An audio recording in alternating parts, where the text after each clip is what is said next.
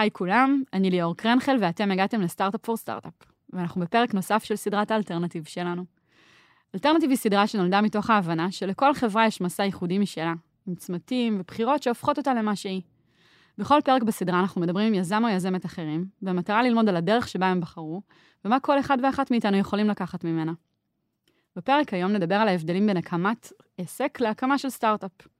ולטובת העניין, איתי כאן היום עינת גז, שהיא מייסדת שותפה ומנכ"לית אה, בחברת פאפאיה גלובל. נכון, נכון? אהלן ליאור. היי, כיף שאת פה. בואי רגע נוודא את הפרטים. אה, אז אה, היום אה, פאפאיה גלובל, החברה שהקמת ב-2016, שווה 3.7 מיליארד דולר. נכון. אה, ולפני שהקמת אותה, הקמת בעצם שני עסקים מצליחים, אה, שבשיא שלהם הכניסו כמה מיליוני שקלים בשנה. נכון. עסק אחד נקרא Relocation Source, השני נקרא Expert Source. Um, והיום אנחנו נדבר על ההבדלים בעצם בין הקמה של עסק להקמה של סטארט-אפ. דרך המסע שלך בעצם נרצה להבין מה משותף למסעות האלה ומה שונה בתכלית, ומה לקחת מהניסיון שלך בהקמה וניהול של עסק להקמה וניהול של סטארט-אפ, וגם ממה היית צריכה ממש להיפרד. נשמע, אנחנו בפרק הנכון. יאללה, בוא יאללה, נעשה אז את זה. נתחיל? Startup for startup for startup.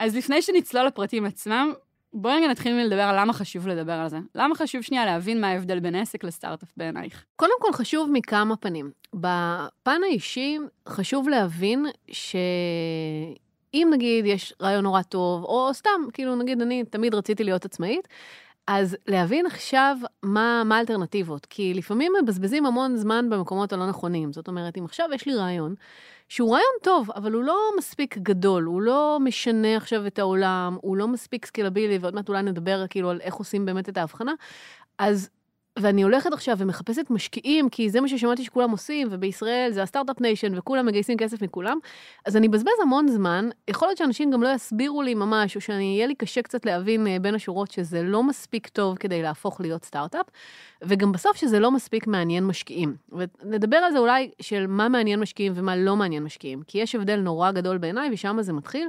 האם זה עסק, זה אומר שבוא נשווה את זה רגע לבסיס, אני מחליטה עכשיו לפתוח, נגיד, חנות, אוקיי? ליד הבית שלי, ואני צריכה את ההון הראשוני כדי להקים את הבסיס שאני צריכה, למצוא את המקום, לקנות סחורה ולמכור.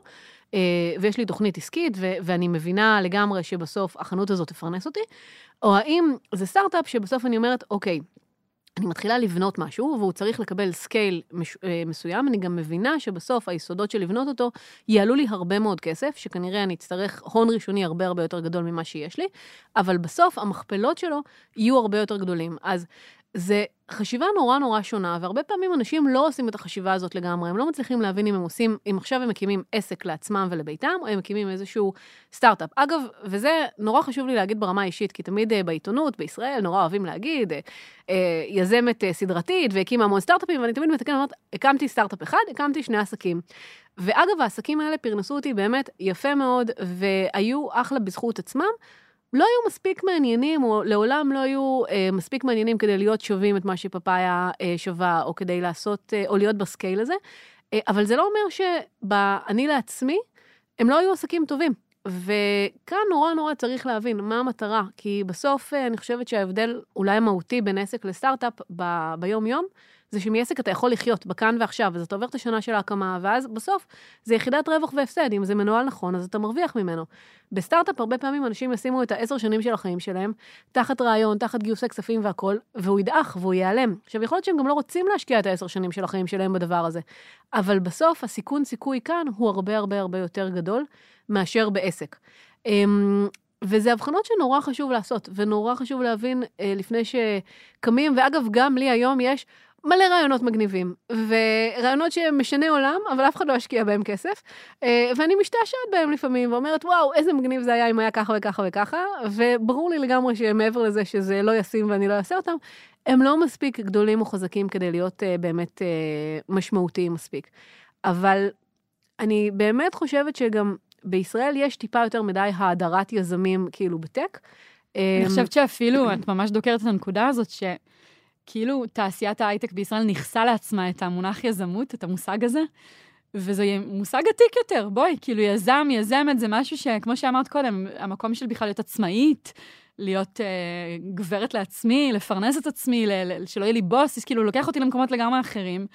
וזה לא בהכרח מתרגם היום כשאומרים בישראל יזמת, ישר חושבים הנפקה, חושבים ביליונס, חושבים כאילו אה, במונחים אחרים, ובאמת יש איזה בלבול, נכון? כאילו הרבה אנשים מגיעים נכון. עם רעיון, שכמו שאמרת, אולי הוא מצוין לישראל, אולי הוא, השוק הישראלי מאוד צריך אותו, אבל יש להם אפס הבנה בשוק, ואולי לא צריך להתרחב לשווקים אחרים, פשוט לא לקרוא לזה סטארט-אפ. אולי אפילו אתה לא צריך לצאת מגבולות העיר שלך. אולי אתה עכשיו מוכר אה, חנות, כאילו מקים חנות לגלישה במקום ליד חוף ים, וזה אחלה עסק, ויש לך איכות חיים מדהימה, ואתה מרוויח ממנו ומפרנס כמה אנשים באזור שלך, והכל טוב. ואגב, לי יש הערכה נורא נורא נורא גדולה ליזמים, שבאמת עושים את הדברים האלה, כי זה, בינינו, זה הרבה יותר קשה. ואני חייבת להגיד כאן משהו שהוא... תמיד אה, נורא מצחיק אותי שאומרים לי, מה, וזה בטח נורא קשה. אני אומרת, נכון, זה קשה, אני עובדת נורא קשה בפאיה ויש לי המון המון לחצים, אבל עכשיו, אחרי שגייסנו כסף ועברנו את הנקודה הזאת שאני לא הולכת לישון בלילה באיזושהי, אה, לחיות אה, עולמות כזה ו- ובאיזשהו, אה, ב- כאילו, איזשהו פחד קיומי, אני ישנה הרבה יותר טוב. אני יודעת שיש לי כסף בקופה לשלם למשכורות, וכשהייתי בסוף בעלת עסק, וידעתי שאם עכשיו לקוח אה, מרכזי עוזב אותנו, יש לי עדיין עשרה עובדים שאני צריכה לשלם להם משכורות בסוף החודש. התקציב וכל ההתנהלות שלך היא הרבה הרבה הרבה יותר מחושבת, ובסופו של דבר, האירועים הקטנים האלה יכולים לערער פתאום את העסק בצורה נורא נורא נורא מהותית. סתם בעיות גבייה, לקוח שפתאום אה, פשט את הרגל, כל מיני דברים כאלה, וזה אתה לעצמך, ולרוב אין משקיעים מאחורי זה, וזה נורא נורא נורא עדין ושברירי, והלחצים שם אגב הם הרבה יותר גדולים בעיניי. אז אה, כן, אני חושבת שצריך אה, להגיד את זה, וצריך גם להעריך את ה... אמ, אני אגיד, המקומית הזאת, אה, שלקחתי את כל מה שיש לי, את, את החסכונות שלי, אמ, ועשיתי עכשיו, רצתי אחרי החלום שלי, והקמתי עסק יפה, מצליח, נחמד. ואת יודעת עוד איזה נקודה לפני שככה נצלול לתחנות שסימנו לעצמנו מראש, שחשבתי עליה.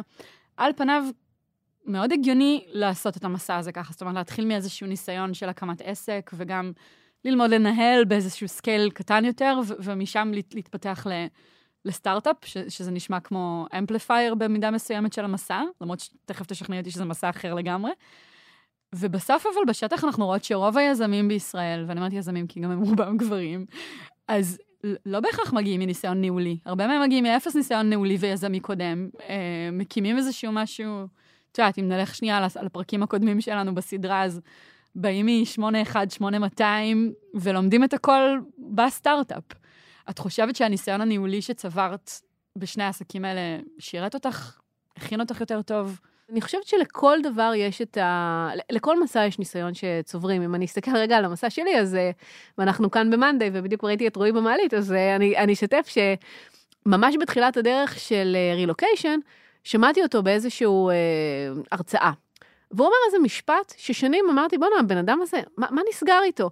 הוא אמר, אני את כל הכסף של ה marketing, שנ... את כל הכסף שאנחנו מרוויחים, אנחנו מוציאים על marketing בחזרה. ואמרתי, איזה מין דבר זה שכאילו בסוף, אתה כל הזמן זורק את הכסף שלך בחזרה על הוצאות. כאילו, איפה ההיגיון הכלכלי כאן?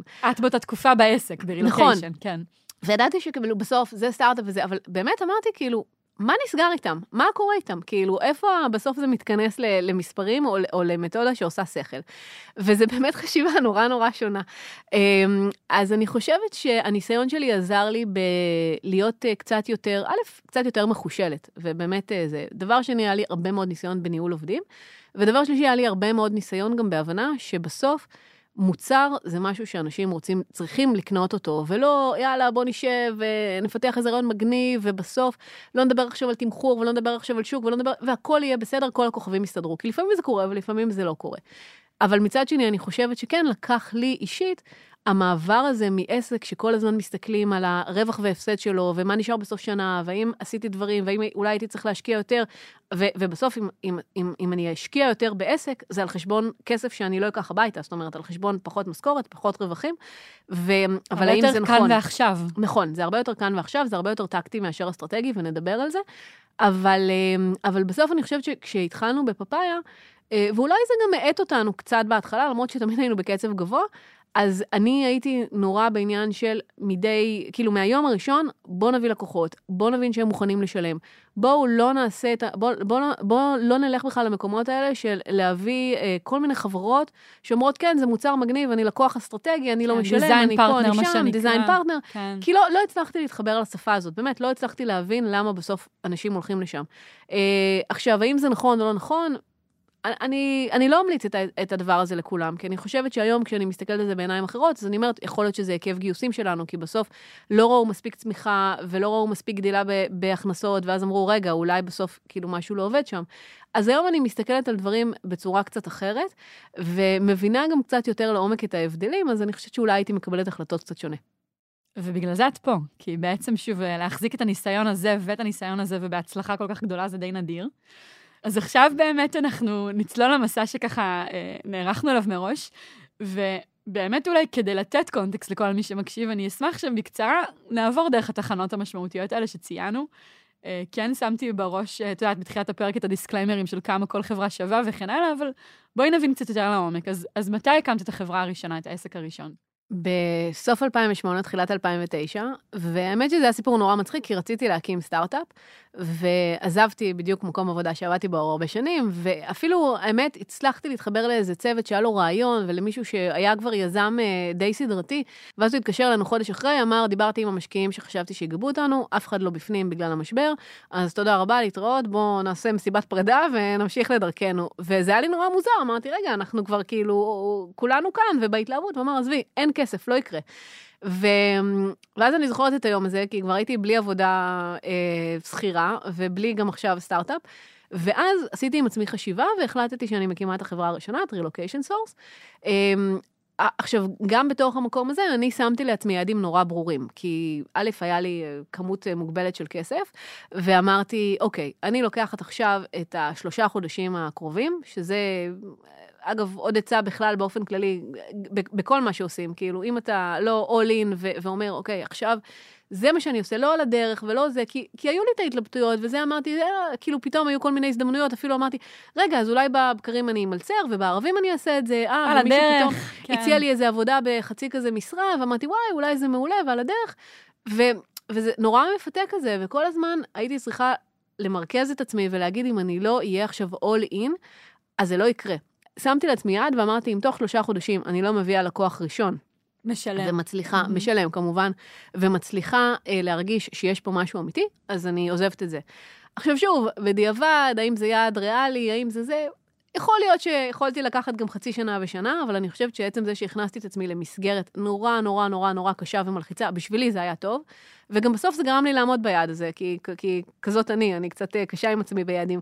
אבל, אה, אבל אני חושבת שנורא חשוב להיות נורא נורא נורא נורא מחויב למקום הזה, בטח כשזה עסק ובטח שבסוף, גם בסטארט-אפ אולי, בסיד או בגיוס הראשוני, אתה בסוף, כל הזמן, אני תמיד אומרת, יש את ההוצאות הקבועות. לא משנה אם לא תעשה כלום, הם ימשיכו לרדת. נכון. אז זו התקופה שאתה הכי נלחם נגד השעון. כי אם עכשיו החלטתי לקחת אותך לפי שעות, אז אני יודעת שאני משלמת רק על השעות שלך.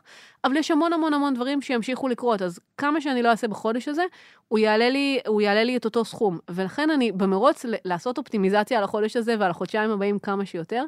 אז זאת הייתה תקופה משוגעת. קופצת קדימה, כן. ב-2008 לקוח ראשון תוך שלושה חודשים. זה נכון. קרה, נכון? 2009, לקוח ראשון תוך שלושה חודשים, נכון. מתי, מה, מה, לאן החברה הגיעה בשיא שלה, ו- ומתי עברת לשלב הבא, לפרק הבא? אז אני, אני אסביר רגע מה זה השלב הבא מבחינתי. 2009 גדלנו נורא מהר, זאת אומרת, סיימנו את השנה, נורא מהר, שוב, במונחים של עסק, כן? זה לא מונחים של סטארט-אפ, אבל סיימנו את השנה בערך עם עשרה עובדים, ועם לקוחות, ועם הכנסות משמעותיות, היו גם כמה מאות אה, אלפי שקלים כבר ב, ב, ברווחים, שזה כאילו היה נורא נורא כיף לראות.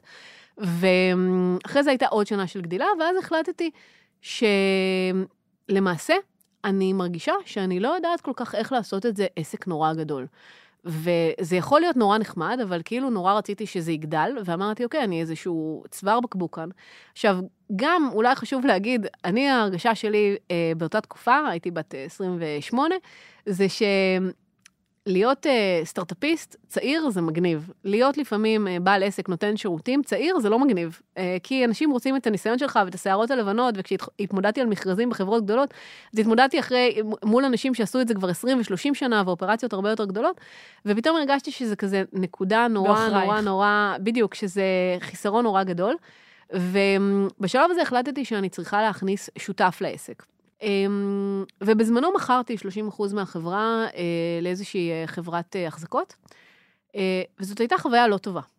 וזה היה שיעור נורא נורא נורא חשוב, כי בסוף, קודם כל אני חושבת שידעתי מהיום הראשון שחתמתי על העסקה הזאת שזאת תהיה עסקה לא טובה, זאת אומרת ברמה האישית, אה, ובחרתי לעשות אותה, כאילו היה לי איזשהו כזה קונפליקט עם עצמי, ואמרתי, טוב, את אה, מפחדת מזה, וזה כאילו, את, את מקבלת את ההחלטות לא נכון, ואת מסתכלת על זה בצורה נורא ילדותית, ו, וככה זה עובד, וככה, מג... כאילו, בסוף ככה עושים אה, עסקים, וככה זה.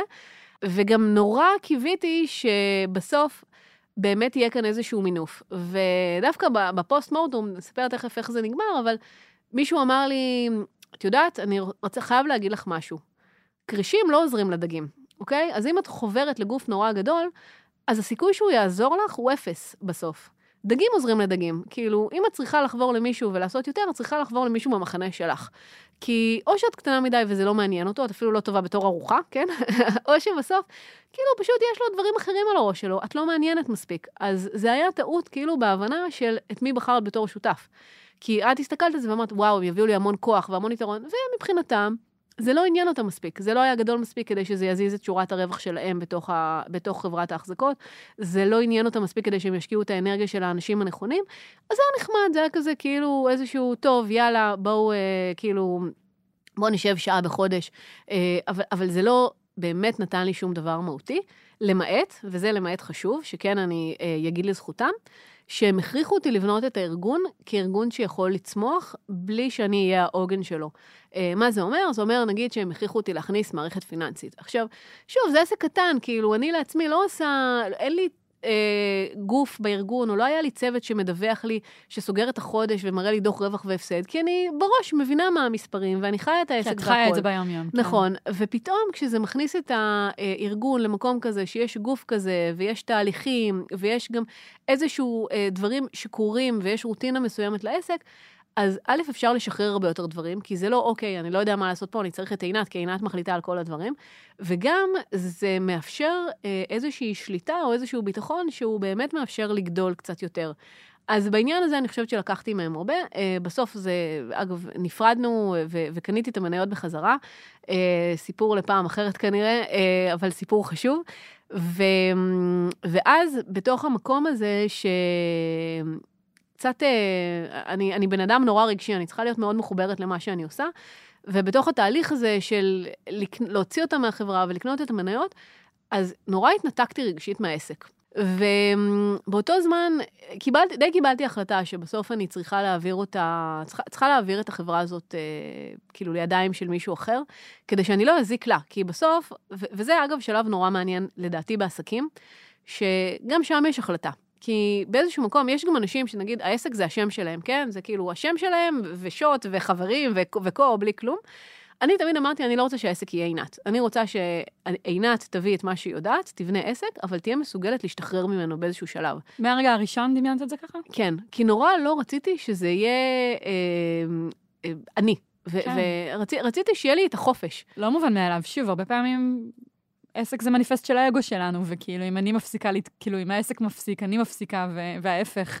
יש הרבה, כמו שאמרת, כאילו, לא חייב להיות שהשם של החברה חייב להיות עינת בשביל שברגע שאת תקומי ותיפרדי מהמסע הזה, המסע הזה בעצם לא יסתיים יחד איתך. כן, אז, אז לי זה היה חשוב, אני הסתכלתי על זה אחרת. אני הרגשתי שככל שאני אקבול את עצמי יותר לעסק, ככה אני אאבד יותר את החופש שלי. כי בסוף... אז למה לא פשוט לסגור? כי גם לסגור זו החלטה לא קלה. כאילו, יש אנשים ויש עובדים, וזה פתאום, אה, זה, זה, זה לא שלך כבר. כאילו, יש לי 20 אנשים Mhm. שבסוף זה מקום העבודה שלהם, וזה קצת אגואיסטי להגיד להם, טוב, לא בא לי יותר, עכשיו אה, זה, אז לכו הביתה. ואמרתי, אוקיי, האם אני יכולה לעשות עם עצמי איזשהו תרגיל ולהעביר את העסק למנכ"ל אחר? ו, אה, ובאמת עשיתי את זה. ו, וזה דווקא היה החלטה מאוד טובה. אז נסעתי לאסיה, איזה שנה אנחנו? אנחנו בשנת 2014. אולי 13. אה, כשאני נחתתי בסין, הבנתי שזה מקום מופלא, זאת אומרת שקורים בו המון המון דברים, ובזמנו המערב נורא נורא נורא התחיל לגדול לסין, ונורא התחשק לי האתגר הזה. ורגע אחרי שמיניתי אה, מנכ"לית בישראל, החלטתי שזה מה שזה הולך להיות, ו...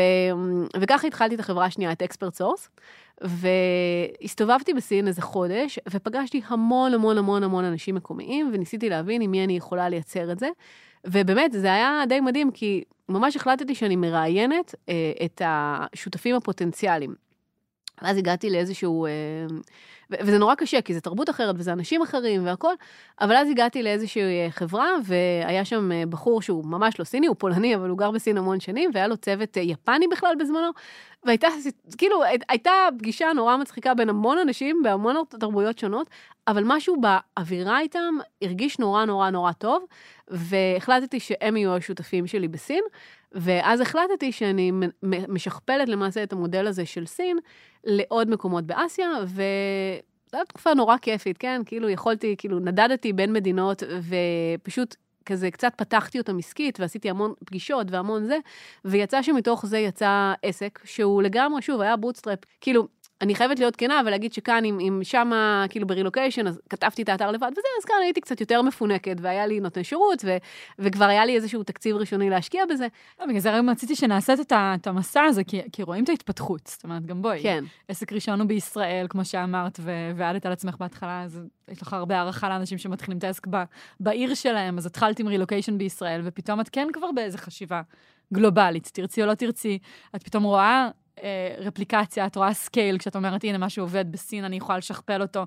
זאת אומרת, כבר הבאת נכון. חשיבה סקלבילית יותר לעסק השני שלך. נכון. כל הקמפיינים שעשיתי מבחינת marketing והכסף שהוצאתי שם, היו מטורגטים לשוק האמריקאי. אמרתי, ישראל זה בסדר, ישראל מכירים אותנו, יבואו, יש את רילוקיישן, אז הם ידעו להגיד להם, אה, עכשיו יש פעילות חדשה בסין, ולהביא אותם. אני רוצה להתעסק בשוק שאני לא מכירה, וזה היה לגמרי, לגמרי, לגמרי ברמה הניסיונית. אמ, וככה בסוף החברה הזאת גדלה, והיא גדלה במקום ש... באמת קיבלתי החלטות קצת יותר בוגרות, זה נכון, ו... ומתוך זה ממש בניתי כאילו את אותו שותפות, ב... כמו שבניתי בסין, בעוד חמש מדינות, בסינגפור ובהונג קונג ובתאילנד ובפיליפינים ובמלזיה, שש יכול להיות, אמ, וזה היה נורא כיף. ו... וזהו, וזה היה איזה מין שנה וחצי, כמעט שנתיים, שנורא נורא נהניתי, הייתי on and off באסיה המון אה, זה. ואז פתאום היה לי איזה יום שאמרתי, היה לי כאן איזה אירוע מכונן, אה, סבא שלי היה נורא חולה, וכזה, היה לי איזה, פתאום איזה ערב כזה שאמרתי, אוקיי, מה יקרה אם אני אהיה נורא רחוק ויקרה לו משהו, אני לא רוצה להיות שם, אז זה הסימן שצריך לחזור הביתה וצריך להיות קצת יותר בישראל. ואז אמרתי, אוקיי, אבל אז מה, אז מה קורה? כאילו, העסק הזה לא יכול להתנהל בסוף מרחוק, הוא צריך אותי על הקרקע, הוא צריך, הוא צריך את זה, וזה גם עסק נורא קטן, זאת אומרת, זה לא היה עסק גדול, כי נורא רציתי לשמור אותו כזה לין. לא עכשיו 20 עובדים, 50 עובדים, רציתי ליהנות ולדעת שאני בסוף קצת one man show בכל הסיפור הזה. אמרת, בנית את זה סביבך. נכון. אה, דווקא כאן היה לי נורא, נורא נהניתי מזה. סביבי וסביב השותפים, זאת אומרת, כן. זה תמיד היה שותפויות כזה, אז זה היה עובדים שלהם ולא שלי, וזה הכל היה כזה נורא קל, כאילו גם לפרום מחר בבוקר אם רוצים. אבל להחליף אותך כאן נשמע יותר מורכב. אז כאן הבנתי שא', שוב, לא היה לי מחויבות לעובדים. אז אמרתי, אוקיי, אם אני רוצה מחר לכבות את האור וללכת, אז אני אומרת לשותפים, הנה, קחו את הלקוחות, הכל בסדר, כאילו, אני יוצאת מהתמונה, ואין יותר לקוחות אחרים, כי אני לא מביאה אותם יותר ואני לא מתעסקת בלעשות את זה, ובהצלחה. ו...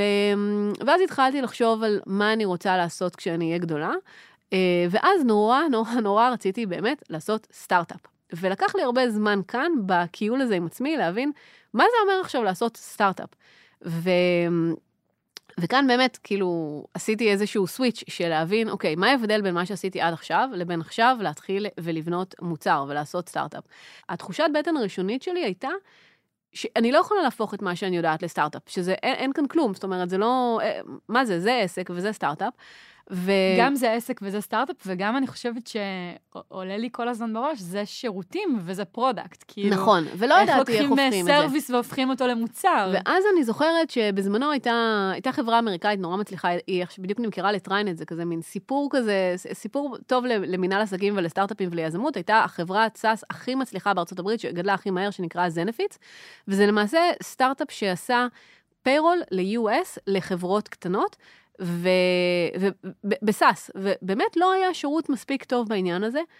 ואני זוכרת שממש ישבתי וראיתי כל מה שהיה עליהם, וקראתי את כל מה שמצאתי ואת כל הכתבות, כי ניסיתי להבין, אמרתי, אוקיי, אבל הם עושים מה שאני עשיתי, כאילו, אוקיי, הם עושים פיירול, הם בנו איזושהי תוכנה, אבל זה לא, זה לא מאוד שונה, כאילו, אז- מה עושה את זה שונה? Mm. וכאן ממש ממש ממש השקעתי בלהבין מה עושה את זה שונה. ו- ואז אחרי שהבנתי את זה, הבנתי, אז אמרתי, אוקיי, עכשיו בואו נעשה את אותו payroll לגלובלי, כי אני חושבת שכאן הכאב הוא הרבה הרבה יותר גדול. ובאמת לדייק את המה עושה את זה שונה, זה מה שלקח לי הרבה זמן. להבין שבסוף הם עכשיו לא מביאים לקוח ונותנים לו שירות, הם בנו מוצר, וזה כאילו הכל self service, וזה בסוף מוכר את עצמו, ושם הבסיס, שם העוגן, וזה מאוד מאוד מאוד שונה ממה שאני עשיתי. זה היה למעשה בעיניי הגשר הזה בין לעבור בין עסק לבין להגיד, אוקיי, בואו נחשב במוצרים, במונחים של סטארט-אפ. וככה הגענו ל-2016? וככה הגענו ל-2016. אז, אז, אה, אז כשהתחלתי להתגלגל עם פפאיה, אני, אני אגיד, ואני גם אומרת את זה היום הרבה ליזמים, כי יש תמיד את החשש הזה של להגיד את הרעיונות שלך בקול ויגנבו לך אותם, ובעיניי זה לא חשש אמיתי. אוקיי, יכול להיות שבאמת תיפול על האחוז המסכן של בן אדם שעכשיו אין לו מה לעשות בחיים, והוא עכשיו עוזב הכל והולך להגשים את הרעיון שלך כי הוא חושב שזה מדהים. בדרך כלל אתה נופל ואתה מספר את, את, את הרעיונות שלך לאנשים שיש להם עולם ומלואו, הם נורא נורא עסוקים, הם גם ככה לא חושבים שאתה תצליח, אז כאילו גם ככה די, אה, כזה כאילו ב- עובר להם ליד האוזן, והם שמחים יש פה בשמחתך. שתי הטעיות בעיניי. אחת שאנחנו חושבים שמקשיבים לנו אה, כן. במלוא תשומת הלב תמיד. ואני חושבת שהדבר השני, ואנחנו ב monday מאוד מדברים את זה, זה כאילו, בואי, בואי נחגוג execution ולא רעיונות. נכון. כאילו, כל עוד יש לך רעיון, כל אחד אחר יכול גם לקחת נכון. את הרעיון הזה ולבצע אותו. אז כאילו, תמיד כשסטארט-אפים, את יודעת, בקהילה שלנו, תמיד עולה השאלה, מה, אני אשתף אתכם ברעיון שלי, ומישהו פה נכון. 20 אלף איש, מישהו ייקח לי את הרעיון, מעולה. אם זה כזה רעיון טוב, כן. ואתה לא מתקדם ב execution, אולי מישהו אחר יגשים אותו. נכון, כאילו. וגם אם מישהו אחר יגשים אותו, אז אולי זה ידחוף אותך ולהבין איך אתה עושה את הדברים יותר טוב, פחות טוב, כאילו, מה ההשוואה. אולי אמ, תחבור עליו, כאילו, בואי, מציאות נכון, קורית אה, נכון. במציאות. נכון, ובעיניי הדבר הכי חשוב כאן זה להגיד בקול את הרעיון שלך, וגם לשמוע את עצמך מדבר אותו. להדהד את זה, כן. ו- וגם פתאום לשמוע כן את הפידבק, כי בסוף יכול להיות שהאנשים שאתה מספר להם לא מבינים שום דבר, זאת אומרת, אני חושבת שיש משקיעים שלי היום שאם, כאילו, שעדיין לא מבינים באמת מה אנחנו עושים, אבל זה בסדר, כי כאילו, כנראה שמשהו גם ב...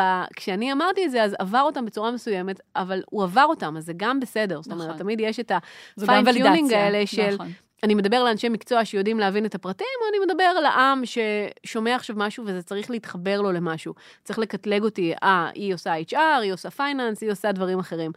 אבל אמ, כחלק מה, מהמסע הזה, אז אה, נתי, אותו חבר שהיה מה שנקרא בוחן הרעיונות הראשוני שלי, אה, ואמרתי לו, בוא תצטרף אליי, הוא אמר לי, אני לעולם לא אעבוד איתך, תודה, אבל יש לי אה, אה, שותף לשעבר, שבדיוק, ש, שהם מכרו סטארט-אפ ביחד, שבדיוק עכשיו באיזשהו סטארט-אפ שכנראה הוא כבר אה, לא מתקדם מספיק והוא שוקל את צעדיו, אה, והוא יהיה שותף מעולה בשבילך. אז, אה, אז נפגשתי עם, עם ראובן, והסברתי לו מה אני רוצה לעשות. ואז ראובן, כמו ראובן, כי הוא איש product באמת נורא נורא טוב, ו- ובפרטים, וחופר, התחיל לחפור לי, אמרתי לו, עזוב אותי כאילו עכשיו חפירות, מה, אני לא מבינה כאילו זה. ובאמת, אם אני זוכרת את החודשיים הראשונים של לעבוד איתו, זה, היה לפני כסף, זה ממש היה, הוא אמר לי, בוא ננתח את הרעיון.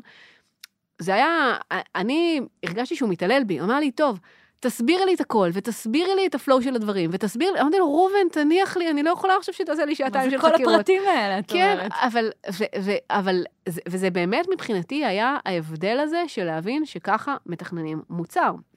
וזה לא כמו שמתכננים רעיון או סטארט-אפ של יאללה, בוא נצא לדרך ונתקן תוך כדי תנועה, והכל בסדר, ונחייך יפה, ונעשה ככה, והכל יסתדר מעצמו. צריך נורא נורא נורא לתכנן. ו... וכשכבר התחלנו לעבוד, זאת אומרת, עופר חבר עלינו איזה חודש או חודשיים אחרי זה, אמרתי להם, בעקבות הפוסט-טראומה שהייתה לי מהעבודה הראשונית עם ראובן, אמרתי, אני לא רוצה שכל הידע שלכם יתבסס עליי. אז בואו, אני אביא לכם לקוחות, תראיינו אותם, תחפרו, תבינו את הדברים, בואו, אתם תפגשו את תלמדו, השטח בעצמכם. תלמדו בדיוק את הידע, שזה לא יהיה אני שיתווך לכם את זה, כי אולי אני גם עושה טעויות. ו... וזה באמת מה שהיה, ואני חושבת שגם להם זה עזר נורא. וואו, זה אה, שיעור ממש חשוב, את יודעת, כי הרבה פעמים סטארט-אפים, אני שנייה עוצרת אותך, הרבה פעמים סטארט-אפים אה, שנבנים באמת עם, עם יזם או יזמת כמוך, נבנים על האקספרטיז של אותו היזם או היזמת, נכון? אני באה מעולם הפרינטרים, אז אני אביא את הידע של הפרינטרים. נכון. ואת מאוד מוקדם, את אומרת, הבנת שזה הכי עלייה וקוץ בה. כאילו, עד גבול מסוים זה יעבוד, ומאותו רגע זה יכשיל אתכם. נכון. אם את ת- תניחי שאת מבינה את כל היוזרים הפוטנציאליים, הנה אני בעולמות של סטארט-אפ כבר, את כל הלקוחות האפשריים, זאת אומרת, הבנת מהר שזה לא יכול להיבנות עלייך. נכון. 2022. איפה אתם 22, היום? איפה? עבר- עברת לך שש שנים, את יודעת כמה עברתי זמן ותכף יש שם? נחזור, אה, תכף נבין מה היה שם דרך השיעורים, אבל איפה אתם היום? אז קודם כל, היום אנחנו הרבה אנשים, אנחנו 450 איש, בדיוק עשינו רכישה מאוד גדולה של קבוצ... של, של חברת תשלומים, שבקרוב תצטרף אלינו, אז זה יהיה עוד 160 איש, וזה גם וואו. וואו. בסוף עוד קו מוצרים חדש לגמרי, ו... וכניסה למגרש אה, שונה, וגם אה, אה, כל הכיף הזה של איחוד של שתי חברות ביחד אה, לחברה אחת, אה, אז, אז זה שיעורים גדולים. אה, ואנחנו היום, אני הגדרתי את השנה הזאת, ואנחנו כל הזמן אומרים את זה, בשנה ש... כאילו עברנו איזושהי שנה של סקיילה, ועכשיו אנחנו בשנה של הגרון-אפ. כי אנחנו חייבים להתחיל לייצר את כל התהליכים שלנו בפאפאיה בצורה הרבה הרבה הרבה יותר מסודרת והרבה יותר תהליכית, וגם זה אומר שפחות אנשים, אה, יותר אנשים אחראים על פחות דברים. זאת אומרת, אתה מביא יותר אנשים, תחומים יותר ממוקדים, ולא כולנו עושים את הכל. אמ, עכשיו, זה, זה, זה שינוי, שינוי נורא נורא נורא נורא גדול במיינד, שינוי נורא גדול באיך שאנחנו עובדים, והוא מאתגר את כולנו, כי בסוף אנחנו מבינים שצריך להשתנות כאן משהו, זה נהיה יותר גדול מאיתנו, ואם אנחנו לא נבנה את זה נכון עכשיו, אז אנחנו אה, ניפול. אני אגיד עוד, אה, אני אספר עוד סיפור, שבדיוק אתמול סיפרתי לצוות, שכשגייסנו כסף, אז ישבתי... אה, עשיתי איזושהי מצגת משקיעים בסיליקון וואלי לקרן מאוד גדולה, וישב שם מישהו בחדר, וכולם היו נורא נלהבים, וישב שם מישהו בחדר עם פרצוף נורא מדוכא. בסוף אז אמרתי לו, תגיד, למה אתה כל כך עצוב? כאילו, מה עשינו? אז אמר, תראי, אני מכיר חברות כמוכם, השקעתי בחברה אמריקאית אה, שעושה את מה שאתם עושים לשוק האמריקאי, עד ה-1500 לקוחות הראשונים זה עבד מדהים, ואחרי זה הכל קרס. או. גם לכם זה יקרה. אמרתי, תודה. תן לי לפחות את ההזדמנות, כאילו להגיע לשם ולהצליח או להיכשל בעצמי, אל תלביש עליי סיפור של מישהו אחר. אבל אני חושבת שאם רגע ניקח את זה לשיעור אמיתי, הוא לא סתם אמר את זה, הוא אמר את זה כי הוא הבין שאנחנו עושים היום דברים שהם טובים לכאן ועכשיו ובסקייל קטן, אבל זה בסוף, אם אנחנו לא מכינים אותם ל scale הגדול יותר, אז שם זה קורס. ואני חושבת שבשלב שאנחנו נמצאים היום, וזה שלב שאני בטוחה שהרבה חברות עוברות, יש את ה switch הזה של יכולתי להחזיק תהליכים ומספר לקוחות וכמויות של data ו instanceים בצורה מסוימת, ואם עכשיו אני לא מעביר את זה ל-10x ומתכנן את זה, אז זה לא יעבוד, מתישהו זה ייפול.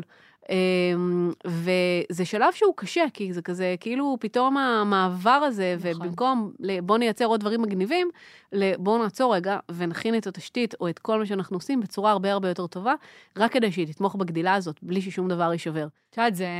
יש ספר ילדים שאני מקריאה לבת שלי, לנעמי, שנקרא, אני חושבת שהוא נקרא מה שאנה יודעת. ואנה, אה, יש לה ככה ציפורים על העץ, ואחת הציפורים מפחדת לעוף, כי היא רואה אה, נמרים, והיא רואה ג'ונגל, ואז אנה מסבירה לה שזה לא ג'ונגל, זה בסך הכל הדשא, וזה לא נמר, זה, זה חתול, והכל פתאום כזה קטן ומונגש, ואז הציפור עפה, וממעוף הציפור הכל נראה ממש קטנטן. זה אפילו כן. לא דשא, זה אפילו, זה, זה נקודות כן. צבע כאלה, ואת ממש מדברת פה על שינוי פרספקטיבה חדים, כי רגע אחד את בעסק, ואת אומרת, וואו, 20 עובדים וזה גדול עליי, ושנייה אחרי זה את עסק שאת כל העסק, ורגע אחרי זה את בפאפאיה, ואת כבר מדברת על השלב שבו את מבינה שלהצליח כסטארט-אפ, עד גבול מסוים סבבה, את מוחאת לעצמך כפיים שהגעת לשם, אבל המבחן הגדול עוד לפנייך, ובמים הגדולים האלה של האם את הופכת להיות חברה גלובלית באמת, ו- ו- ונסחרת אחר כך או לא, אבל יש עוד שלב לעבור, ו- וזה כל הזמן שינויי תודעה די uh, קיצוניים. את מבינה על מה אני מדברת? כן, וחייבים לעשות אותם. אני תמיד חושבת שיש לי את ה... רגע אחד את ממש מצליחה, רגע אחרי זה את באיזה מבחן שעוד לא צלחת. זה, כן. זה... אז אני תמיד, כאילו, אני, אני מאוד אה, מכירה את זה ש, שיש לי את ההתבוננות הזאת. אני, הנה, אחזור לרועי, בסוף הוא יהיה חייב להאזין לזה עכשיו, כי כל הזמן אני מזכירה אותו, שהוא היה שכן שלי ב, ב, בתל אביב. ואז אני זוכרת שתמיד אמרתי, כאילו, וואו, איך כאילו מכזה סטארט-אפיסט כזה של עסק קטן וזה, פתאום זה נהיה כזה נורא נורא נורא גדול, ועסק, ופתאום הם מנפיקים והכול. אתה יודע מה, הם עוברים בדרך? כאילו, איך זה קורה? הרי זה, זה לא קורה מעצמו, זה לא שאתה קם בבוקר, זה, זה, אם אני אשווה לילדים, אז את יודעת, הם גדלים מעצמם, הם גדלים בלילה, בשינה, כאילו... זה לא גדל אבל, מעצמו. אה, אבל, אבל אז, אז, ו, ומה השיעורים שבסוף אתה צריך לעשות? איך אתה גורם לזה לקרות? מה אתה גורם, כאילו, מה אתה יכול לעשות כדי שזה יקרה? אז אני כל הזמן שואלת את זה, ואני גם כל הזמן חוקרת את זה עם עצמי, כי אני חושבת שזה התפקיד שלי. זאת אומרת, זה בסוף המחויבות שלי לחברה, היא כל הזמן להבין מה אני צריכה לעשות כדי שהיא תהיה בשלב הבא. ו, ו, וזה באמת אה, עבודה, כאילו, ו, וזה עבודה שצריך, זה, זה גם שריר שצריך לפתח. אני חושבת שאני כבר נהיית בו בסדר, וכל הזמן אני אומרת, אוקיי, יכול להיות שאני לא מספיק בסדר, כי יכול להיות שהשלב הבא הוא, הוא הרבה הרבה הרבה הרבה יותר קשה. אז נגיד השנה התחלתי ממש אה, להציג לכל מיני חברות שאני מאוד מעריכה, ולשאול אותם מה אני לא יודעת. ולקחת שעה מזמנם, ולהבין כאילו בסוף מה אני עוד לא יודעת. כי ראיתי בשלוש שנים האחרונות של פאפאיה, שכל שנה אנחנו צריכים להמציא את עצמנו מחדש, במערכות ובתהליכים ובאנשים שבאים, ובאיך שאנחנו עושים דברים. ואם אנחנו לא עושים את זה בקצב גדילה שאנחנו עושים, אז החברה, הדברים מתחילים להישבר, הדברים מתחילים ללכת אחורה. אמ, את מכניסה אותי ממש ל, ל, ל, לעולם הראשון, זה כי אנחנו כבר באמצע הפרק, אז זה מצחיק להיכנס לעולם, אבל לעולם הזה של מה בעצם, מה ההבדל בין תפקיד של יזמת והמקום של יזמת בח- בעסק, למקום של יזמת בחברה. כי קודם תיארת איך דווקא אי אפשר להמשיך לגדול כל שנה, וצריך דווקא לייצב דברים, ופתאום את באה ואומרת עכשיו, כל המהות שלי היא לשאול כל הזמן איך אפשר עוד ואיך אפשר אחרת, ומה מה 10x, וזה זה דברים שאת אמרת כאן. נכון, זה נשמע כמו state of mind שונה בתכלית. זה, זה state of mind שונה, כי המטרה היא שונה. ו- ושמתי, כאילו בפאפאיה, אני לא, כרגע אנחנו מאוד מאוד ממוקדים בצמיחה, מאוד מאוד מאוד אגרסיבית ומאוד uh, מהירה, ובלייצר את המוצר הכי טוב. וזה בא על חשבון רווחיות, כמובן. אם היינו ממוקדים, אם מחר היינו מקבלים החלטה שאנחנו עכשיו צריכים להגיע לרווחיות, אז ההחלטות היו שונות לגמרי. עכשיו, שוב, זו החלטה, זה לא טוב, יאללה, בוא נגייס עוד אה, 50 אנשים ונראה מה קורה. זו החלטה... כן, אבל עינן, זאת לא נוסחה. את יודעת, עכשיו את אומרת את זה וזה נשמע מאוד נוסחתי. טוב, רווחיות שווה קצב מסוים, סקלביליות שווה קצב אחר. איך לא, אבל את כיזמת. מביאה את עצמך? זה ממש לקום בבוקר עם פעולות אחרות לחלוטין. אז אני, אני אחזור רגע לימים של העסק, כי אני זוכרת שכשרציתי בהתחלה ברילוקיישן, הרגשתי שמה שקורה זה שאנחנו נגיד שלושה אנשים, ופתאום יש המון המון לקוחות, ואז אומרים, אוקיי, בוא נגייס את הבן אדם הרביעי והחמישי והשישי, ואז תמיד הרגשתי כזה שזה כל הזמן כזה הולך קדימה ואחורה. כי רגע אחד כבר היית על גבול הרווחיות, זאת אומרת, כבר, כבר עברת איזשהו מקום שאמרת, או, יש, הש... החודש אני אוכל לתת לעצמי איזה העלאה ולקחת איזה משכורת נורמלית הביתה, ופתאום הבאת עוד בן אדם וחזרת אחורה, ו- ולוקח לו איזשהו זמן של להיכנס ולהביא, ואני זוכרת שממש הייתה לי את הנקודה הזאת שאמרתי, רגע, מתישהו זה כאילו ישתנה? זאת אומרת, מתישהו אני אגיע למצב שיש יותר כסף בקופה מאשר ההוצאות? אז כן, אז, אז א', צריך להבין האם, אה, וזה אין נוסחה, בסדר? אני בן אדם, אה, אנשים חושבים לפעמים שאני נורא נורא אנליטית, אני באמת, אני הבן אדם הכי גרוע ב- ב- ב- במתמטיקה ואקסל ואני חברים לא טובים. אבל אני אני, כמו שאמרת, אני מאוד אה, כאילו ניהולית, אז אני הרבה פעמים יודעת למצוא את הנקודות האלה שאומרת, אוקיי, בסוף אתה כבר רואה patternים מסוימים. אתה רואה שאתה מביא בן אדם טוב, הוא עולה לך X, ואז אתה יכול לטפל בעוד לקוחות והם מכניסים שני X. אז ייקח זמן שהוא, עד, שה, עד שהוא יהיה עד עצמאי. שרמפ-אפ כזה. כן. בדיוק. אז צריך להבין שכל ההחלטות שלוקחים, מבינים אותם טוב. זאת אומרת, אם מראש אני מוכרת ללקוח שירות, אם אני אחזור רגע לעולם של רילוקיישן, כן? אם אני מוכרת לו בסוף שירות במחיר מסוים, אבל אני יודעת שלי פנימית הוא עולה 3x, זה לא יתאזן. אוקיי? בעסק זה לא יכול להתאזן. אתה חייב שיהיה לך אחוזי רווחיות מסוימים, 30 אחוז, 50 אחוז, 100 אחוז, זה לא משנה, אבל אתה חייב להבין שבסוף הדבר הזה, כאילו כל ההוצאות האלה שקיימות שם על הקרקע והעובדים, שזו הוצאה נורא גדולה, וכל ה-unexpected, מתכנסים למקום שבו אה, אתה יודע שבסוף כשאתה תמכור את המוצר שלך ב- ב- בכמויות מסוימות, את השירות שלך, אז זה יתאזן. בגלל זה גם אמרתי, שלמכור את עצמך תמיד נורא נורא מפחיד אותי. כי אני אומרת, יש לי כמות מסוימת של זמן ביום. אני לא יכולה להפוך 12 שעות להיות 50 שעות שלי, נכון? אז בסוף, עם 12, ואני גם לא יכולה לגבות על שעה שלי אה, 10,000 דולר, אז כאילו, בסוף... אז זה צוואר בקבוק מוגדר בתוך התהליך נכון, הזה. כן. נכון, ולכן אני צריכה, אם אני לא רוצה להיות בן אדם של כאילו one man show כזה, שזה גם בסדר, אז אני צריכה לבנות אה, מוצרים שאנש, ש, שהעסק, שהעסק יכול למכור. אז כל הזמן צריך לנסות ולהבין את זה, ואני חושבת שהרבה עסקים נופלים שם במקום של לא להבין שזה תכנון, זאת אומרת להגיד יהיה בסדר. לא, לא יהיה בסדר, כאילו, יכול להיות שהיה חודש אחד שהפסדת כסף וזה קורה. אבל צריך לתכנן למה זה. ואם זה מקרי, כן, אני זוכרת, היה לנו חודש כזה ברילוקיישן, קראנו לו, נראה לי זה היה מאיה היום, שממש כל יום מתקשר אלינו לקוח עוגן והודיע לנו שאנחנו מדהימים, ושזה לא אנחנו וזה, אבל הוא סוגר את הפעילות בארץ, אבל הוא מצמצם כאן והוא פה והוא שם, וממש ראיתי את ההכנסות של החברה יורדות ויורדות ויורדות ויורדות ויורדות ויורדות, ו... ואני זוכרת, לקחתי את כל הצוות ואמרתי, תקשיבו, אנחנו כבר לא באזור הנוחות שלנו. זה היה כבר במקום שידענו שהכל בסדר והמספרים מתאזנים והכל. אנחנו עכשיו לוקחים את החודש הזה ומביאים חמישה לקוחות חדשים. וגם זה, זה מין מקום כזה שככל שעסק הוא גדל יותר והוא יציב יותר, אז הרעב הזה של להביא כאילו עסקה בכל מחיר וזה, הוא, הוא כבר פחות קיים, וזה בסדר, אתה כבר לא בשלב ההישרדותי. אתה לא יכול לזייף את זה, כאילו, יש משהו נורא יפה כשאתה בשלב ההישרדותי, אתה בשלב ההישרדותי. נורא קשה לך לזייף את ההישרדות הזאת כשאתה במקום של נוחות.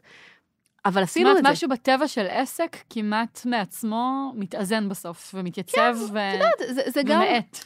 גם בסטארט-אפ, כשאתה מגייס אה, מיליון דולר, ואתה יודע שבסוף המיליון דולר האלה לא מספיקים כדי להגיע למקומות שאתה רוצה, ואתה חייב לעבוד נורא קשה כדי להגיע ליעדים שלך והכול, אז יש לך משהו הרבה יותר הישרדותי. וכשיש לך בקופה 10 מיליון דולר ו-20 מיליון דולר, אז אתה רגע כאילו נח, ואתה זה, שזה בסדר, זאת אומרת, אתה לא יכול כל הזמן לרוץ באמוק, אבל אתה מאבד משהו מהיצר הזה, ואם לא בנית מספיק, אז זה יכול להיות כאילו, כל כסף בסוף נגמר, כן? או, או הוא לא עושה מספיק כדי שזה, שמשקיעים ימשיכו להזרים עליו כסף.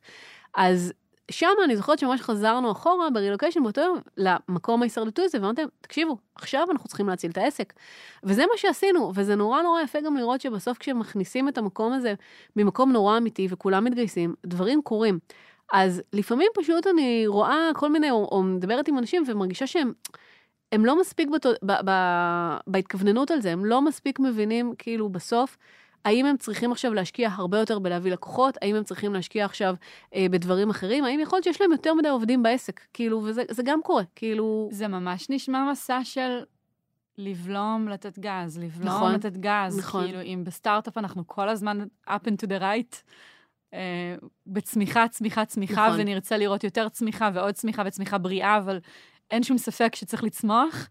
פה את אומרת, יש נכון. תקופות שצריך לא לצמוח, נכון. ואז פתאום אולי יש משהו בלטם וצריך ממש לצמוח. ו... נכון, וגם צריך להיזהר, כי בסוף, בעסק, ההחלטה הכי קשה שלך זה להביא את האנשים. כי אתה לא, זאת אומרת, זה אנשים, אתה לא מביא אותם עכשיו ושולח אותם ומביא ושולח אותם. א', אתה לא רוצה לעשות את זה, אבל גם בסוף, אתה לא, זה לא, אוקיי, זהו, כיב, כאילו, גוגל, כיביתי את השלטר מלהוציא marketing, נגמר הסיפור. זה תהליך, זה כסף. זאת אומרת, כל, כל התחייבות כזאת לאנשים, צריך להסתכל עליה כהתחייבות שתיקח לך בסוף שלושה, ארבעה חודשים קדימה של כסף, שיכול להיות מאוד מאוד מהותי. אז הרבה פעמים יש את הצמתים האלה, שאתה אומר, אני בוחר לא לצמוח עכשיו. אני בוחר לא לצמוח, כי הלצמוח הזה יחסית לזה שאני אצטרך לקנות בן אדם, והלצמוח הוא לא בטוח, הוא יכול להיות שהוא רק לשלושה חודשים קדימה, הוא לא שווה את זה. אז צריך להיות נורא נורא מודע לזה, ו... איך נפרדת מזה? איך עינת, שעושה את זה, בואי, שמונה שנים, הופכת להיות עינת שאומרת צמיחה בכל מחיר, ובאמת בכל מחיר. לקח לי זמן, זה. תהליך. לקח לי זמן, זה לא היה בלילה, באמת זה לא היה בלילה. ושוב, אני אומרת, לכן גם ההחלטות הראשוניות שקיבלתי בפאפאיה היו להביא אה, לקוחות בשלב נורא נורא מוקדם, ולא להיות במקום שאומרים, רגע, צמיחה בכל מחיר, או product בכל מחיר. כן, עבדנו side by side לצד לקוחות. אני חושבת שלמוצר שאנחנו מפתחים, זה עשה הרבה טוב, כי זה גרם לנו לדייק אותו ולהבין את הצורך ואת הזה, אז זה היה שווה את זה. זאת אומרת, אבל שוב, זה היה הימור, לא, זה, זה לא היה, בואי, בואי נודה באמת, זה לא שלקחתי איזה החלטה, זה מה שהכרתי, אמרתי, אני לא יודעת לעשות משהו שאני לא רואה את הלקוח בסוף, אומר לי, זה טוב, אני משלם. זה, זה הביטחון שלי, שמה שאני עושה הוא נכון, כי משם באתי. ולקח לי זמן. זה... וכשגייסת כמה, כאילו, מתי, במילה, מתי גייסת כסף וכמה בפעם הראשונה? אז ב-2016, ביוני 2016 גייסנו בערך 600-700 אלף דולר, אה, ואז אה, כזה, כאילו גייסנו עוד אה, בדריפים כזה, כאילו, ובכל מיני סייפים וזה, עוד בערך חצי מיליון בחצי שנה שאחרי זה. מעולה, אז יש לך מיליון וחצי דולר בבנק. שזה מעולם לא קרה לך לפני כן במסעות העסקיים שעשית. נכון. אז שם, איך את מצדיקה לעצמך הדרגתיות, או, או את כל הדברים האלה שאת אומרת, רגע, נגדל לאט לאט, על, על פניו רוצים שתקחי את הכסף הזה, ותוך, למי שלא יודע, ותוך 18 חודש תוציאי אותו, ותגייסי עוד. אז קודם כל, אה, אני חושבת שלקח לנו אה, הרבה דם, יזע ודמעות לגייס כל דולר, אז היינו מאוד מאוד, היה לנו הרבה ריספקט לכסף הזה, ולא התייחסנו אליו ברמה כזאת. כן, תמיד גדלנו, כי בסוף היינו מאוד קרובים לשוק וקיבלנו הרבה זה. אז כן, נגיד, כמעט לא היו לנו הוצאות אה, שיווק בשנה הראשונה. ממש, לא היה לי אפילו פונקציה כזאת, והיינו מוציאים כלום, ממש כלום ושום דבר, וגדלנו אורגנית. כי התקמצנתי, זאת האמת. וכל פעם אמרתי, אוקיי, מה אני, אני יכולה לעשות את זה לבד, אני אעשה את זה. וגם לא היו לי אנשי מכירות, כי גם על זה התקמצנתי, ואמרתי, אני אביא את המכירות. אז, אה, ואני יודעת למכור, אז, אז כאילו, בוא, בוא נעשה את זה שם. אבל אני כן זוכרת שבתוך התקופה הזאת, שזה מעניין רגע, כי זה מתחפש ללין, לחשיבה רזה, אבל את לא, לא סתם מוכרת במילה קמצנות. את אומרת, כאילו, זה, זה לא בהכרח רזה ונכון לעסק או לסטארט-אפ, זה...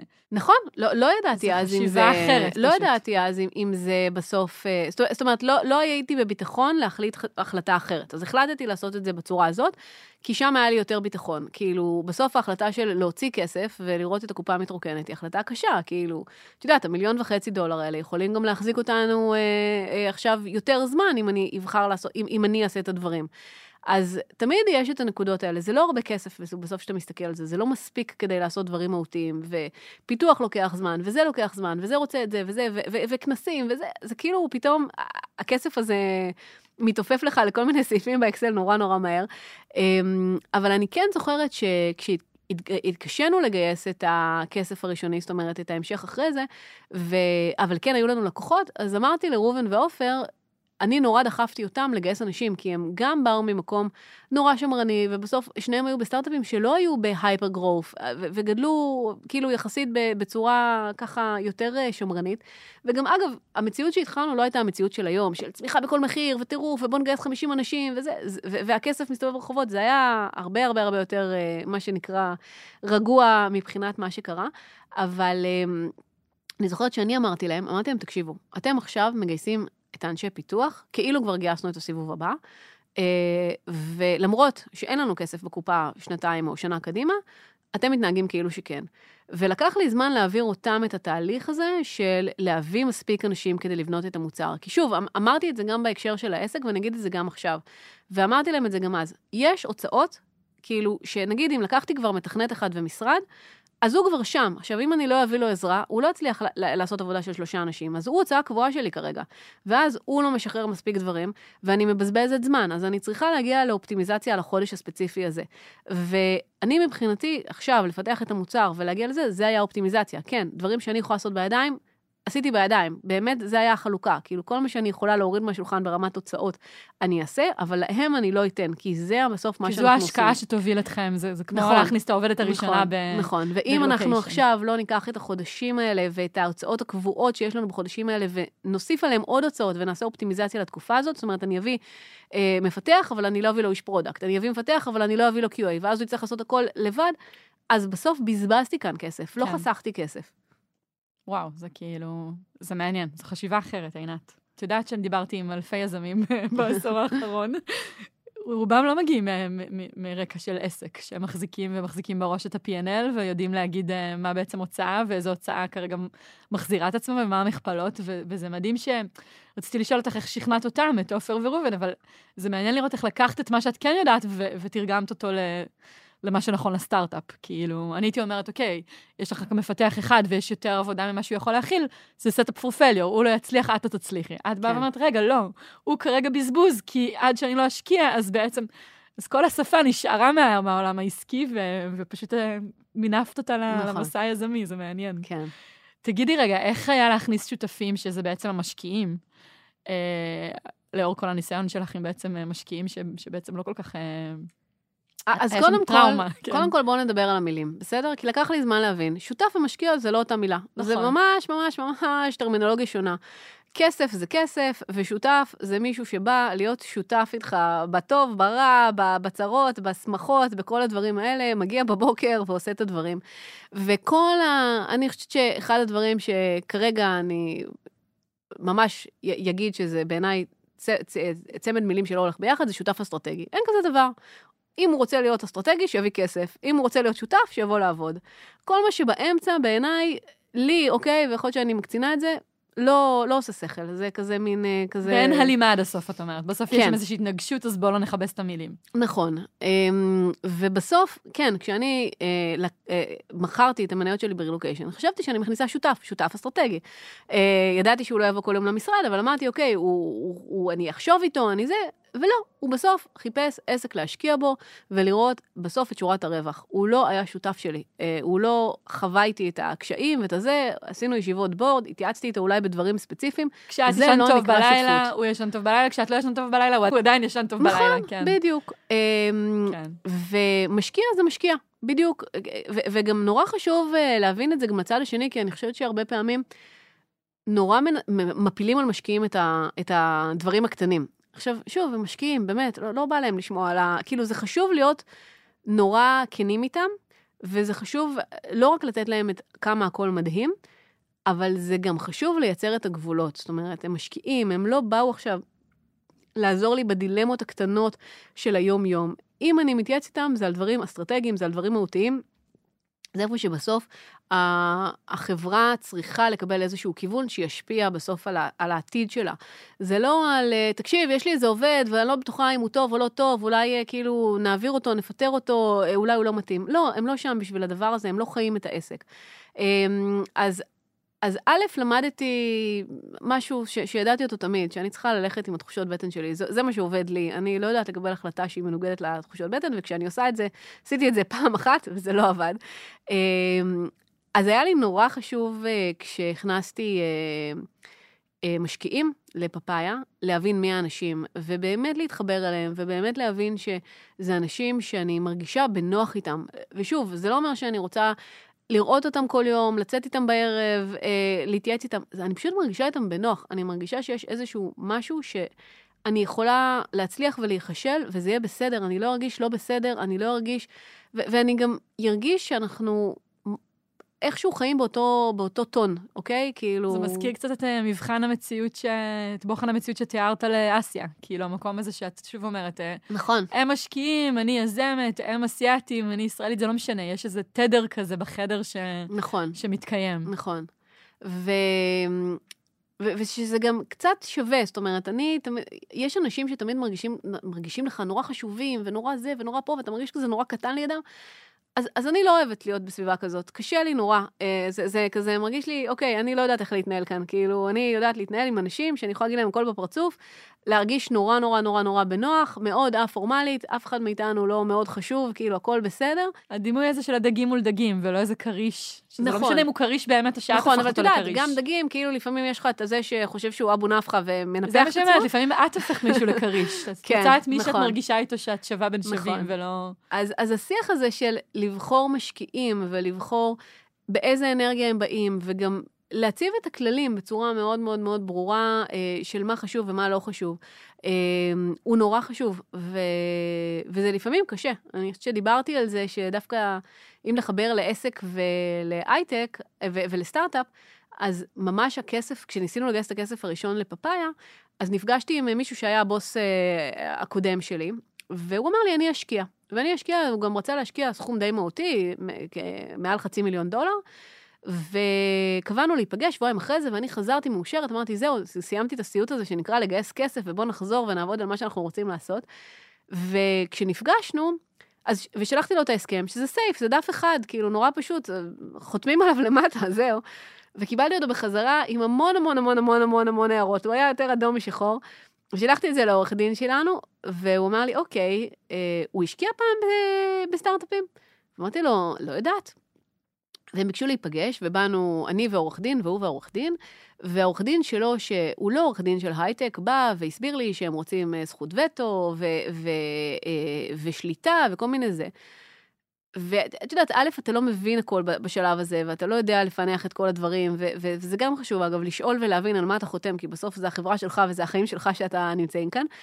אבל כשיצאנו מהחדר, העורך דין שלי אמר, עינת, אני ממש מתבאס להגיד לך את זה, אבל אם תקחי מהם כסף, אני לא בטוח שתקחי עוד כסף אחרי זה בתנאים פעם. האלה, אי פעם מאף אחד. ואני זוכרת שישבתי והתהפכתי על זה, והוא אמר לי משפט, הוא אמר לי, הוא לא יודע להשקיע בהייטק. יכול להיות שהוא איש עסקים מעולה, אבל הוא לא יודע להשקיע בטק. זה, זה לא השפה, זה, ו, וזה בדיוק אותו דבר, אגב, כמו שדיברנו על המעבר שלי מ, אה, מעסקים לסטארט-אפ, גם כשבוחרים משקיעים, אז חשוב להבין ש, ש, שהם מבינים מה זה להשקיע ב, ב, ב, במקום שאתה נמצא בו. זאת אומרת, אם הם משקיעים בעסק, הם משקיעים בעסק. אם הם משקיעים ב- בטק והם מבינים כללי המשחק, אז הם משקיעים בטק. וזה נורא נורא נורא שונה. ופה את אומרת, זה עבר דרך איזה הסכם וחוזה ומשפטי, אבל זה כאילו תיאום ציפיות בסיסי בסוף, את אומרת, נכון? מה מצופה שיקרה, מה לא יקרה בשנים תראי, זה הקרובות. מצחיק, כי אני שאלתי אותו בחדר, אמרתי, אני לא מצליחה להבין, יש לך זכות וטו, אז עכשיו אנחנו רוצים לייצר פיצ'ר, אז מה, אני צריכה להתקשר לך ולבקש את אישורך, ואם תגיד לי לא, לא נראה לי שהפיצ'ר הזה טוב, כי אתה, אז, אז אנחנו לא נפתח אותו, כאילו... אז הוא אמר כן? אז את יודעת, הוא גם לא ידע, אבל זה נראה להם הגיוני, כי ככה הם עושים חוזים. כן. ב- ב- כשהם אה, קונים אה, מפעלים או חברות כן. והכול, אז ככה זה היה נראה להם שהם עושים, זה, זה אותו דבר, הם עשו באמת איזשהו אה, העברה, כאילו, של, של מה שהם מכירים בעולם הזה לעולם הזה.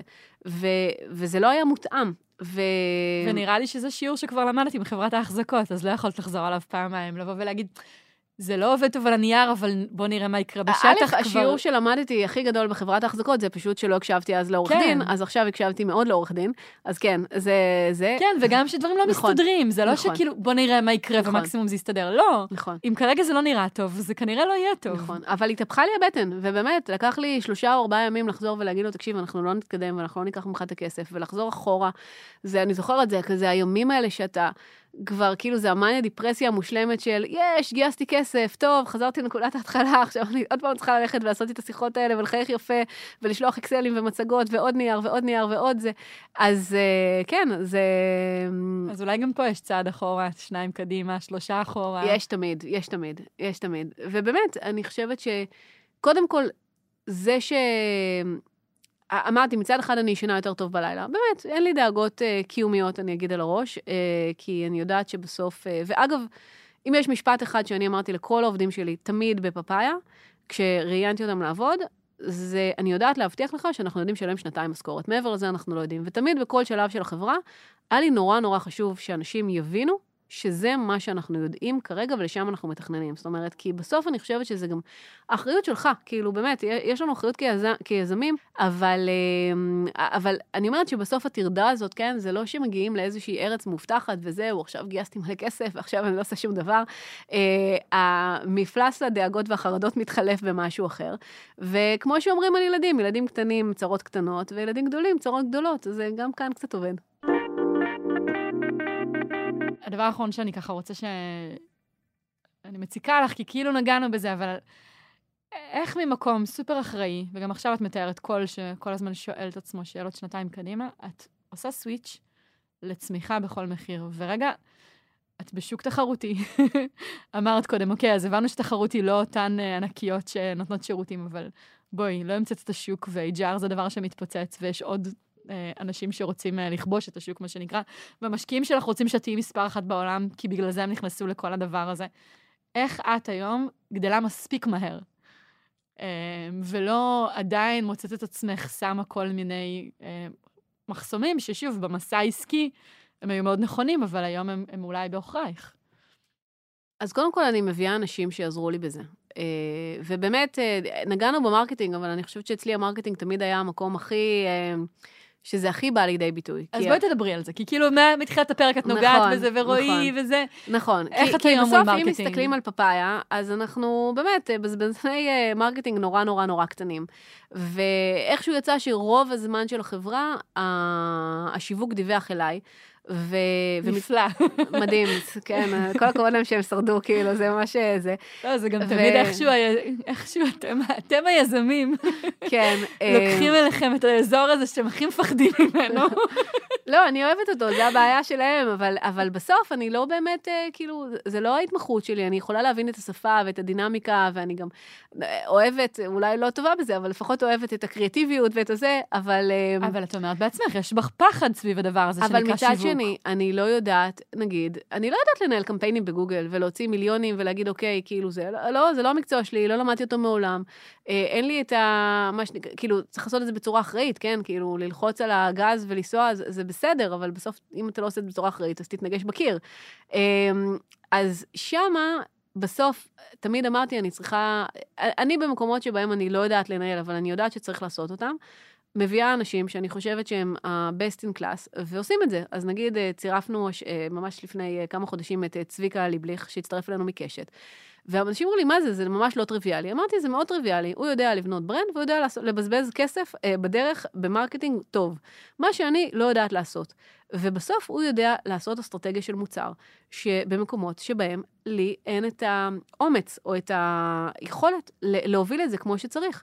אז ממקומות, לפעמים אני חושבת שאתה מחזיק דברים כי אתה טוב בהם, אבל אתה באיזשהו מקום עושה נזק כי אתה לא מספיק טוב כדי לעשות את זה בסקייל. ושם זה הנקודה שנורא צריך לשחרר, כאילו, צריך להגיד, צאי מכאן, לכי, כמו שאמרתי, צאי, ל- צאי לאסיה, לכי, תמצאי דברים אחרים להתעסק בהם, כאילו, תביאי את זה למישהו אחר, וזהו. נורא קשה לעשות את זה, זה כמו שאמרתי שלא עושים יזמות על הדרך, אז גם לא עושים תפקיד על הדרך. ואם אתה עכשיו שם יעדים של צמיחה אגרסיבית, אז אתה חייב לתמוך בזה בארגון.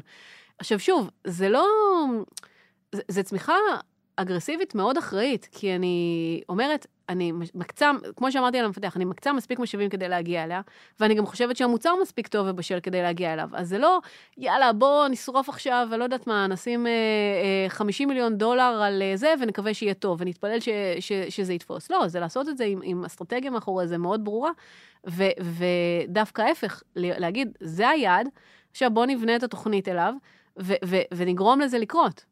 חושבת שזה קול ממש חשוב בתעשייה. אני חושבת שהרבה מאוד אנשים, אמר, התחלנו את הפרק עם זה, ונראה לי נכון לסיים, שהרבה יזמים מגיעים מהחלום על הסטארט-אפ, ואז יש הרבה סיסמאות, וזה בסדר, אבל משקיע זו סיסמה, והנה מה שמעתי על משקיעים, והנה הפחדים, ויש משהו בדרך שאת מדברת על הכל שהוא מאוד קונקרטי, באתי מהשטח.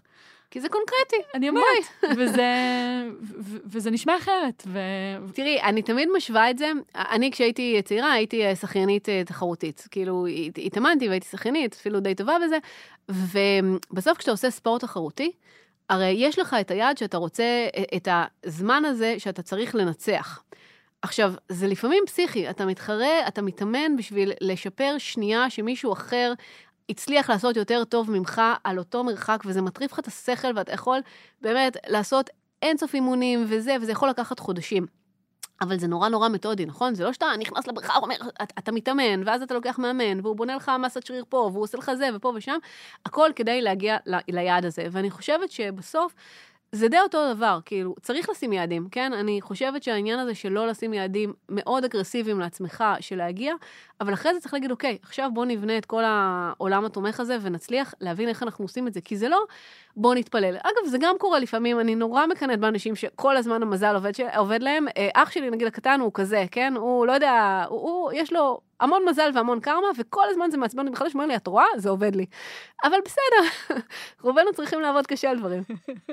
אם מאזין לנו מישהו, מאזינה לנו מישהי שיש להם ככה התלבטות, יש לי רעיון, מה לעשות איתו, יש לי מומחיות, אני רוצה למנף אותה לחברה. מה ככה הדבר האחד הזה שאת רוצה להגיד להם, להשאיר אותם איתו? אז אחד שהוא שניים. קודם כל, להבין באמת, האם אתם מוכנים להתחתן עם הרעיון הזה, וללכת איתו עכשיו, ולעבור איתו את העשור הקרוב, ולטפח אותו, ולהגדיל אותו והכל, כי זה מה שזה דורש. וב', אה, האם באמת בסוף, מה, הרעיון הזה יכול להיות? הוא יכול להיות עסק, הוא יכול להיות אה, חברה, הוא יכול להיות סטארט-אפ, מה הוא יכול להיות? יכול להיות, לא יודעת, עמותה לצרכי, לתועלת הציבור, יכול להיות הרבה דברים. ומשם לדייק אותו, ולא, כאילו, יש לי סטארט-אפ כאמרה, זה אחלה, זה נורא נורא נחמד, אבל זה לא מספיק. אני אוסיף לזה משהו שאמרת בהתחלה, וככה אפילו לא התעכבת עליו הרבה, אבל הוא נשאר איתי. תסתכלו מסביב, ותשאלו את עצמכם כמו מה וכמו מי אתם רוצים להיות. יש משהו ב, ברגע לצאת מעצמנו בעיניי, ולהגיד, אה, הנה, עינת עושה את זה, ועושה את זה בעולמות ה-HR, והנה היא לקחה שירות והפכה אותו למוצא. או, כזה מסע אני רוצה. או, דווקא רועי התחיל מגיימינג, וזה המסע שאני מתחברת אליו. רגע לזהות במציאות שכבר עובדת, משהו שאני מתחברת אליו, ואז לשאול את עצמי, למה אני מתחברת לזה, ומה משם אני יכולה לקחת למסע שלי. ודי מהר ומוקדם לצאת מהמקום של אני בתוכי, עם הלופ של עצמי, של יש לי איזה רעיון, חלום, ו... יש, כמו שאת אומרת, הוא, הוא סיסמה והוא נחמד, ולעגן אותו באיזה מציאות שכבר קיימת. נכון, לגמרי. וגם, אני חושבת שבאמת, בארץ צריך... לפעמים אנשים הולכים בגלל העילה הזאת של הסטארט-אפ והטק והזה, ופה ושם, ומדורי צר... כלכלה שנורא אוהבים. כאילו זה לא מעניין, באמת, זה לא מעניין, זה נחמד, זה, זה, זה, זה, זה עובד לפעמים על אגו, אבל כאילו, לא מקבלים קו אשראי מהבנק על כתבה בגלובס. נכון, אמרת את זה לגמרי, בהתחלה. לגמרי, לגמרי, תאמינו לי. מעולה. עינת, תהיי זמינה גם בקהילה שלנו לשאלות כשנעלה את הפרק? אני ממש מנסה שכן. תודה רבה שבאת. איזה כיף היה. ממש. תודה לכם שהאזנתם.